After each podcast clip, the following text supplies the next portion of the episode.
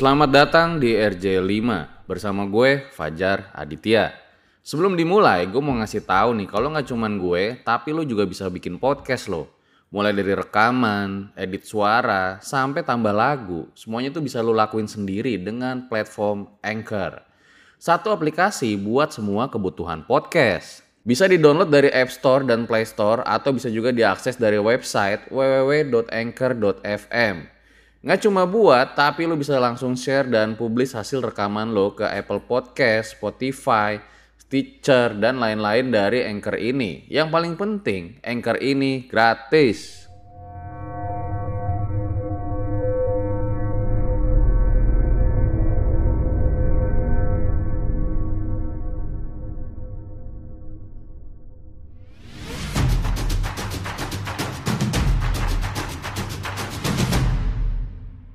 Podcast Network.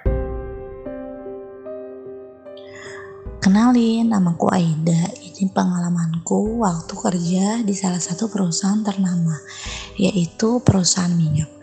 Waktu awal masuk, aku merasa semuanya baik-baik aja. Tapi aku salah. Semakin lama aku di sana semakin banyak hal tak terduga. Dari mulai aku melihat penampakan di ruang OB sampai teror hantu yang bernama Lingling. Aku sebenarnya tidak terlalu peduli dengan sosok itu. Namun sosok Lingling yang jahil sangat meresahkan walaupun dia sering membantu. Banyak hal yang aku lalui di sana. Sampai akhirnya aku mengundurkan diri setelah kerja 4 tahun lebih. Ya, dengan alasan pribadi.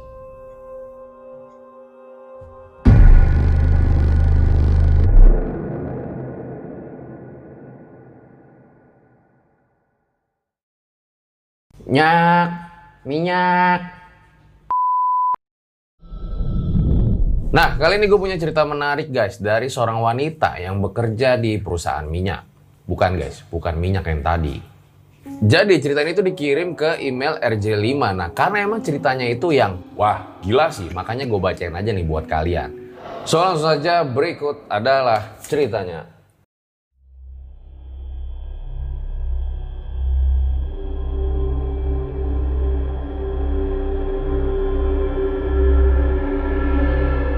Kisah ini dialamin sama Aida di tahun 2014. Saat itu dia baru aja diterima di sebuah perusahaan minyak yang cukup ternama di bagian produksi. Jadi tempat perusahaan kerja Aida itu sejenis perusahaan minyak buat penghangat tubuh gitu guys. Ini bukan Pertamini. Aida sendiri adalah sosok perempuan mandiri, tingginya sekitar 160 lah, umurnya 21 tahun. Saat itu emang dia tuh lagi nyari-nyari kerja ya, sekaligus dia mahasiswa karyawan juga untuk biayain kuliah sendiri guys. Ini baru wanita strong. Hingga nggak lama Aida pun dapat kabar diterima sebuah kerjaan. Tentunya dia sangat senang lah. Perusahaan tempat kerja Aida ini berada di daerah Jawa. Karena Aida di bagian produksi, jadi dia ke bagian shift siang tuh. Jadi dia kerja di hari Senin sampai Jumat, nah hari Sabtunya baru dia kuliah karyawan.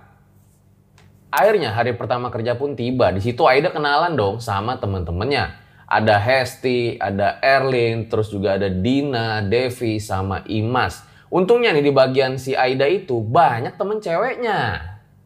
Ternyata nih Aida itu bisa nyetel cepet ya sama temen-temennya, terutama si Devi sama Imas. Karena mereka tuh anaknya cerewet sama kayak Aida, orangnya heboh-heboh gitu lah. Ruang kerjanya sendiri ada di lantai satu ya, jadi kayak ruangan peruangannya itu cukup luas.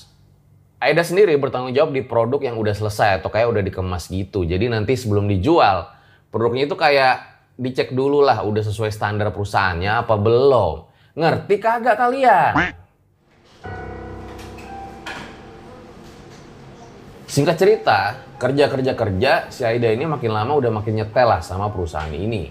Aida praktis nggak ngalamin kendala yang cukup berat, ya paling lembur-lembur gitu aja. Hingga tiba-tiba ada sebuah obrolan yang sensitif saat itu. Eh, kalian tahu nggak sih kenapa ini produk minyak kita bisa laris banget? Ya iyalah, karena manfaatnya dong. Belum lagi iklannya di mana-mana. Anjir, maksud gue terlepas dari itu, pasti ada sesuatu di baliknya. Maksud lu? Semacam hal gaib gitu loh. Aida dan teman-temannya kaget mendengar suara itu. Soalnya kan mereka lagi ngomongin horor, tiba-tiba aja ada suara ngagetin gitu loh. Dan pas dicek ke ruangannya, ternyata sendok itu udah bertebaran jatuh di ruang makan. Padahal ruangan itu kosong. Pada bingung dong yang lain ini kok sendok bisa jatuh nggak mungkin buat ketiup angin kan? Tapi di situ mereka mikir lagi jangan-jangan tadi emang naruhnya itu ke pinggiran jadi bisa jatuh sendiri.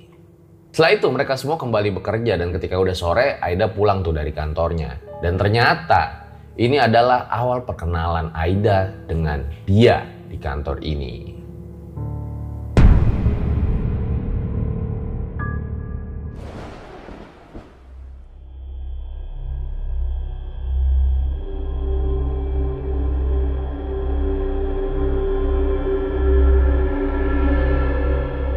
Waktu setelahnya di luar dugaan nih, ternyata banyak kasus yang bermunculan di perusahaan tersebut. Karena emang kan perusahaannya lagi berkembang naik nih. Jadi mereka itu kayak melakukan banyak perekrutan karyawan. Saking banyaknya malah muncul kasus-kasus pencurian produk di pabrik tersebut. Eh, ini kok karyawan baru malah nyolong? Hal ini tentu meresahkan dong. Banyak karyawan yang jadi insecure gitu. Takutnya mereka juga malah dituduh lagi. Aida sendiri juga jadi resah dia mikir kenapa nih kok karyawan baru pada kriminal begini? Padahal menurut dia kerja di tempat ini itu udah lumayan enak. Aida makin kesal juga lama-lama karena kejadian itu semua karyawan kerja banyak yang double. Harusnya yang udah selesai, jadi malah ngitung ulang lagi. Jadi nambah produksi lagi. Semakin lama proses pencurian itu juga makin nggak bisa diatasin. Karena nyuri itu bukan satu atau dua orang doang. Bahkan mereka seperti membentuk grup sendiri-sendiri. Di mana yang dicuri juga jumlahnya tuh nggak sedikit. Apa iya mereka butuh uang? Karena emang produk ini tuh sangat laku di pasaran. Malam itu saat Aida ini lagi rasa-rasanya, dia tuh malah ngeliat. Ada Pak Satpam ini lagi jalan ke arah ruang ganti. Padahal suasana kantor itu udah sepi. Eh, mau ngapain nih Pak Satpam? Aida yang penasaran langsung ngikutin Satpam itu. Jadi si Aida ini jalannya kayak ngendap-ngendap gitulah, mirip maling. Supaya nggak ketahuan sama Satpamnya. Karena dia penasaran ya kenapa Pak Satpam ini jalan ke arah ruang ganti staff. Dan setelahnya dia pun ngintip dari balik tembok. Satpam itu terlihat lagi buka laci dan mengacak-ngacak isinya. Aida sempat ingin menegur, tapi dia kaget ya karena pas dia lihat ternyata itu ada beberapa botol minyak di dalam laci itu. Aida shock, sementara sang satpam kayak langsung menyita minyak-minyak tersebut. Dan di luar dugaan, saat Aida itu lihat ke arah atas loker, dia lihat ada seseorang yang merangkak gitu dengan rambut panjang. Dan setelah diperhatiin lagi, ternyata sosok itu mirip kayak kuntilanak yang ada di film-film. Eh buset, karena takut si Aida itu langsung pergi dari sana. Dan setelahnya, dia langsung buru-buru tuh pulang ke mes tempat dia tinggal. Beberapa hari kemudian si Aida ini kayak lagi asik ngobrol gitulah sama temen-temennya kayak ngerumpi gitu. Di sini Aida tuh belum cerita sama yang lain ya kalau dia tuh sempat lihat kayak penampakan gitu di ruang ganti staff. Hingga tiba-tiba satu kantor mereka tuh dihebohkan dengan ada kayak staff lagi ribut-ribut gitu. Dan ternyata staffnya itu kesurupan. Aida sama teman-temannya langsung kepo dong itu ada apa sih ada apa gitu loh. Langsung aja dia datang ke tempat suara itu dan ternyata itu adalah Erlin teman mereka yang lagi kesurupan, lagi dipegangin sama beberapa orang. Eh, kenapa tuh si Erlin?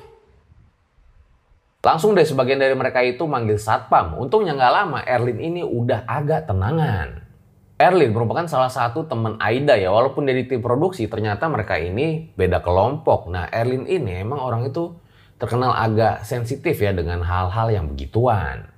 Ya kayak peka-peka gitulah dan bahkan Elin ini katanya juga sering kesurupan. Ikut aku.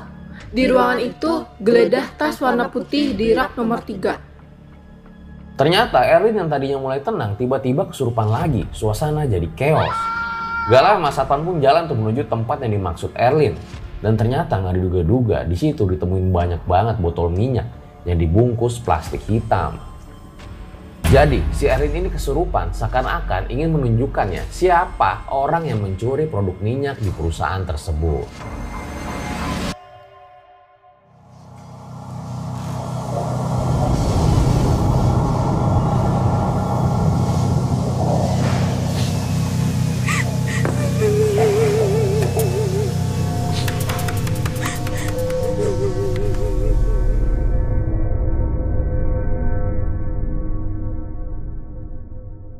Hai, sebelum lanjut, kenalan dulu yuk sama partner misteri gua. Namanya Anchor. Anchor ini adalah all-in-one podcast editing platform yang membuat gue lebih mudah untuk rekaman, edit suara, tambah lagu, dan segala hal dalam pembuatan podcast yang sedang kamu dengerin kali ini. Anchor bisa ngebantu kamu bikin podcast kamu sendiri. Caranya tinggal download dari App Store dan Play Store. Atau bisa juga diakses di www.anchor.fm. Jadi download Anchor sekarang juga.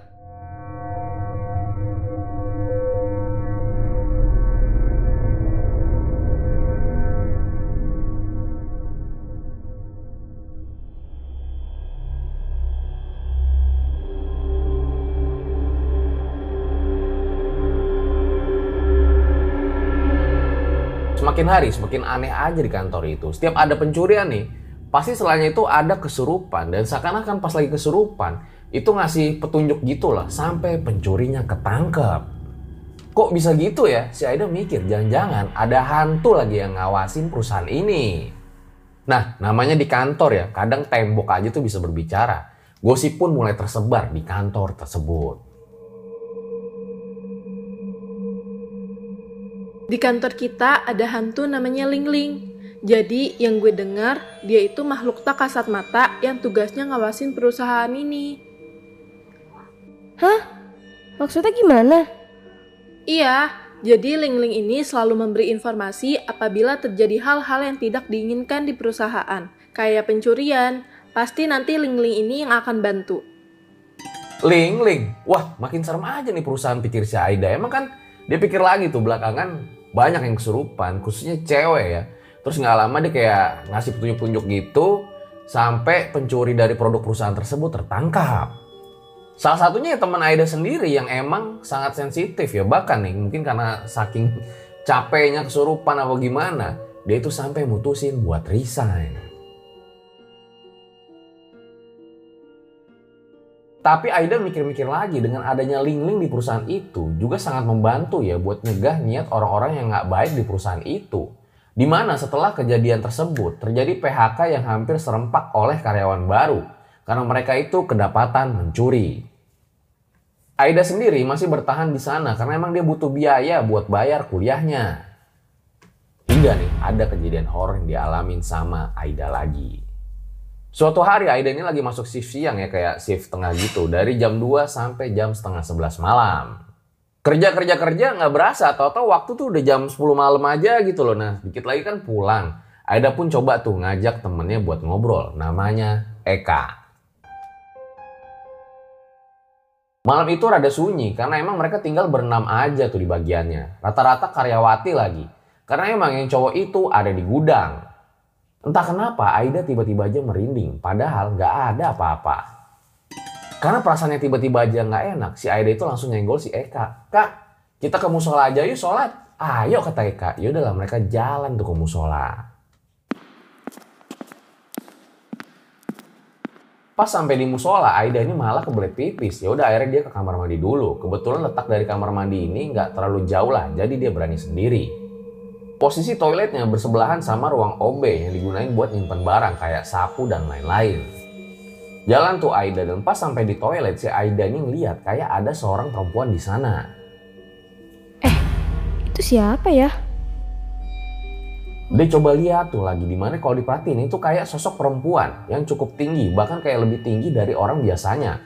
Mukanya tuh nggak kelihatan karena ketutupan rambut. Eh itu manusia apa sapu? Soal bentukannya kayak sapu gitu loh. Yaudah akhirnya mendekat tuh si Aida ke arah ruangan OB. Dan ternyata di ruangan OB itu nggak ada sama sekali sapu. Lah terus yang tadi dia lihat itu apaan? Aida mendadak langsung merinding, jantungnya itu deg-degan. Di situ dia mikir, jangan-jangan ini sosok Ling-Ling lagi. Yaudah dia langsung buru-buru kabur tuh nggak jadi ke WC, dia langsung pergi ke musola. Aida langsung ceritain hal itu ke Eka, di mana Eka ini orangnya iya-iya aja, tipikal orang nggak enakan kayaknya. Mereka berdua langsung mutusin buat balik aja lah ke tempat teman-temannya karena emang udah ngerasa takut.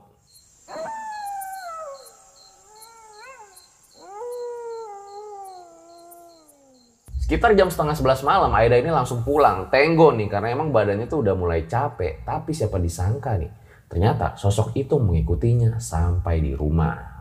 Sosok itu mendatangi Aida lewat mimpinya. Aida nggak tahu ya tiba-tiba aja dia tuh lagi ada di perusahaan. Perasaan kok udah pulang, kok gue balik lagi ke sini ya?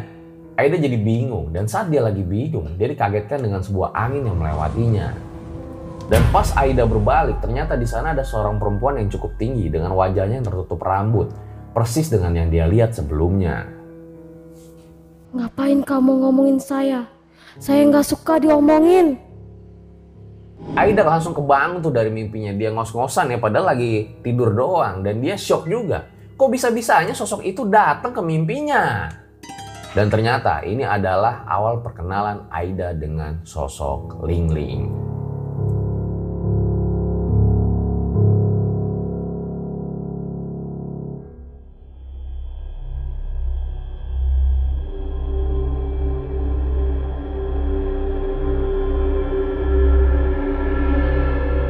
Beberapa waktu kemudian nih, seiring berjalannya waktu ya, ternyata di perusahaan itu kembali nih terjadi perombakan-perombakan manajemen. Biasalah kalau ada perombakan-perombakan gitu, biasanya gosip-gosip di kantor itu jadi makin kenceng. Istilahnya tembok aja bisa bicara. Mulai dari isu finansial, isu personal, bakat, sampai isu horornya. Dulu, katanya awal berdiri perusahaan ini setiap tahun itu selalu motong kerbau dan diambil kepalanya aja. Buat dikubur di pintu gerbang utama perusahaan. Tujuannya untuk apa, Pak? Wah, kalau itu saya kurang tahu. Eh, kok jadi horor nih perusahaan? Nah, si Aida itu juga dengar informasi ya, katanya manajemen yang baru ini tuh kayak nggak percayalah tentang ritual-ritual begituan kayak ritual potong kepala kerbau, inilah itulah. Yang mereka percaya itu kayak pakai logika aja lah. Di mana kalau kerjanya bagus, produksinya meningkat, ya pasti nanti pendapatan juga meningkat. Ya kan emang harusnya juga begitu. Tapi nih entah kebetulan atau enggak, setelah nggak dilakukan ritual tersebut, ada sebuah tragedi yang sangat mengerikan terjadi di perusahaan tersebut. Aida menyaksikan saat pagi hari ada seorang ibu-ibu yang tertabrak truk kontainer.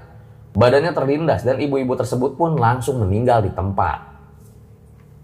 Aida shock di mana setelahnya banyak juga tuh kejadian kecelakaan yang ada di depan kantor Aida. Di situ Aida mikir, apa jangan-jangan ini tumbal?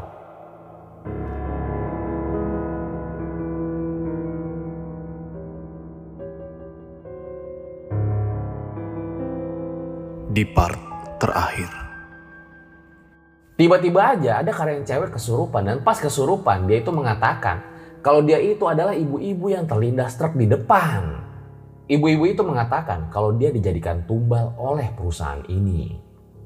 Sosok Ling Ling ini kerap mengganggu Aida. Entah kenapa ya Aida juga nggak ngerti dan belakangan Aida ini juga baru tahu kalau ternyata sosok Ling Ling itu adalah anak dari yang punya perusahaan.